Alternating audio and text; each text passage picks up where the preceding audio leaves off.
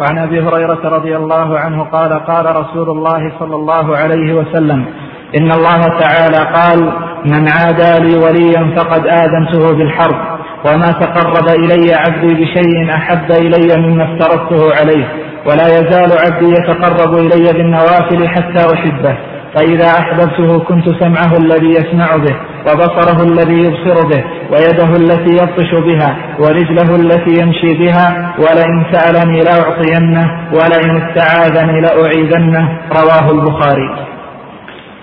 هذا حديث أيضا عظيم.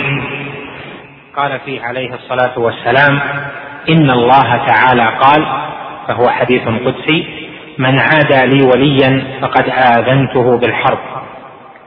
عاد يعني اتخذ الولي عدوا. وهذا معناه أنه أبغضه. قال العلماء إن أبغض الولي لما هو عليه من الدين فهذا ظاهر دخوله في الحديث. وأما إن عاداه لأجل الدنيا وحصل بينه وبينه خصومات لأجل الدنيا فهذا فيه تفصيل. إن صار مع الخصومات بغضاء وكره فإنه يخشى عليه أن يدخل في هذا الحديث. وأما إن كانت الخصومات بدون بغضاء فإنه لا يدخل في هذا الحديث يعني لا يكون مؤذنا بالحرب. وذلك لأن سادات الأولياء من هذه الأمة قد وقعت بينهم خصومات. فتخاصم عمر وأبو بكر في عدة مجالس وتخاصم ابن عباس بل العباس وعلي وحصل بينهم خصومة وترافع إلى القاضي وهكذا في عدد من الأحوال.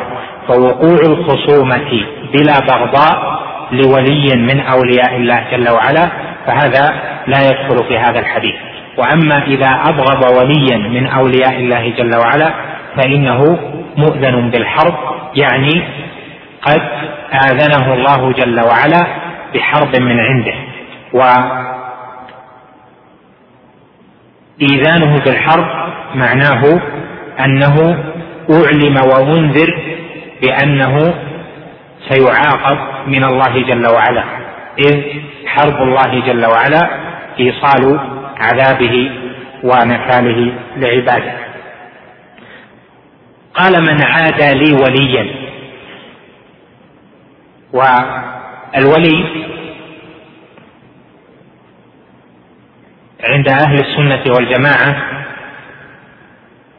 عرف بأنه يعني عرفه بعض العلماء بأنه كل مؤمن تقي ليس بنبي. كل مؤمن تقي ليس بنبي. هذا الولي في الاصطلاح عند أهل السنة والجماعة. يعني أن الولي كل من عنده إيمان وتقوى والإيمان والتقوى تتفاضل فيكون تكون الولاية يعني محبة الله جل وعلا لعبده ونصرته لعبده تكون تلك الولاية متفاضلة. وإنما يقصد بالولي من كمل بحسب استطاعته الإيمان والتقوى وغلب عليه في أحواله الإيمان والتقوى. وذلك لقول الله جل وعلا ألا إن أولياء الله لا خوف عليهم ولا هم يحزنون الذين آمنوا وكانوا يتقون فجعل الأولياء هم المؤمنين المتقين. إذا فمن عاد مؤمنا متقيا قد سعى في تكميل إيمانه تكميل إيمانه وتقواه بحسب قدرته ولم يعرف عنه ما يخدش كمال إيمانه وكمال تقواه فإنه مؤذن بحرب من الله يعني معلم ومهدد بإيصال عقوبة الله جل وعلا له لأن هذا الولي محبوب لله جل وعلا منصور من الله جل وعلا والواجب أن تحب المرء لمحبة الله جل وعلا له. قال وما تقرب إلي عبدي بشيء أحب إلي مما افترضته عليه. يعني أن أحب أحب القربات إلى الله جل وعلا أن يتقرب إليه بها العبد أن يتقرب العبد بالفرائض. هذه أحب القربات إلى الله جل وعلا. الصلوات الخمس حيث تصلى وتقام الزكاة المفروضة الصيام المفروض الحج المفروض الأمور الواجبة كل أمر افترضه الله جل وعلا عليه فالتقرب إليه به هو أحب الأشياء إليه جل وعلا. وهذا خلاف ما يأتي لبعض النفوس في أنهم يحصل عندهم خشوع وتذلل في النوافل ما لا يحصل في الفرائض بل ويرجون بالنوافل ما لا يرجون بالفرائض وهذا خلاف العلم. والله جل جلاله كما جاء في هذا الحديث القدسي إنما يحب بل أحب ما يتقرب إليه به جل وعلا ما افترضه سبحانه. فافترض الله جل وعلا الفرائض لأنه يحب أن يتعبد بها. قال ولا يزال عبدي يتقرب إلي بالنوافل حتى أحبه. يعني لا يزال يتقرب بالنوافل نوافل العبادات بعد الفرائض حتى يحبه الله جل وعلا. وهذا يعني أنه صارت له كثرة النوافل وصفا بحيث كثر منه إتيانه بنوافل العبادات من صلاة وصيام وصدقات وحج وعمرة وأشباه ذلك. قال حتى أحبه. وهذا يدل على أن محبة الله جل وعلا تجلب بالسعي في طاعته بأداء النوافل والسعي فيها بعد أداء الفرائض والتقرب إلى الله جل وعلا بها. قال فإذا أحببته لمحبة الله جل وعلا لعبده أثر. فما هذا الأثر؟ قال فإذا أحببته كنت سمعه. الذي يسمع به وبصره الذي يبصر به إلى آخره.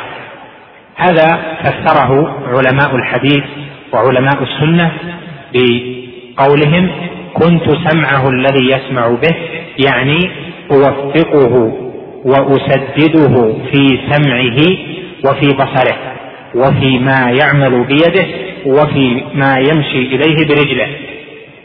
فمعنى قوله كنت سمعه يعني أوفقه في سمعه.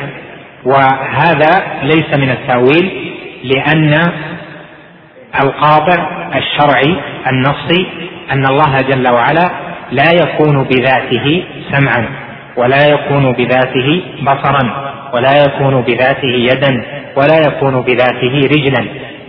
جل وعلا وتقدس وتعاظم ربنا.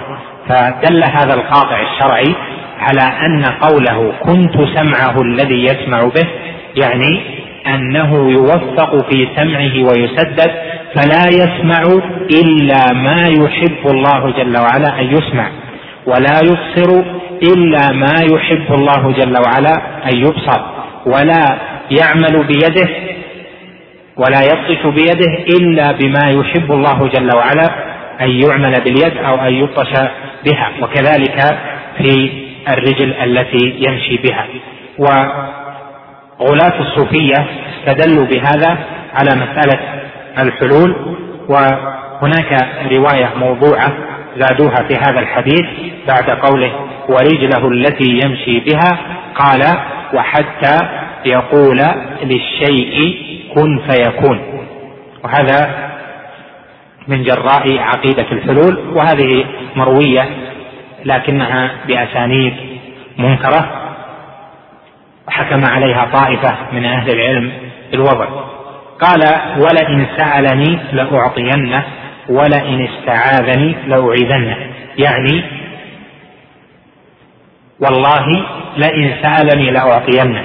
لأن اللام في قوله لئن هذه واقعة في جواب القسم ويكون قبلها قسم. لئن سألني لأعطينه.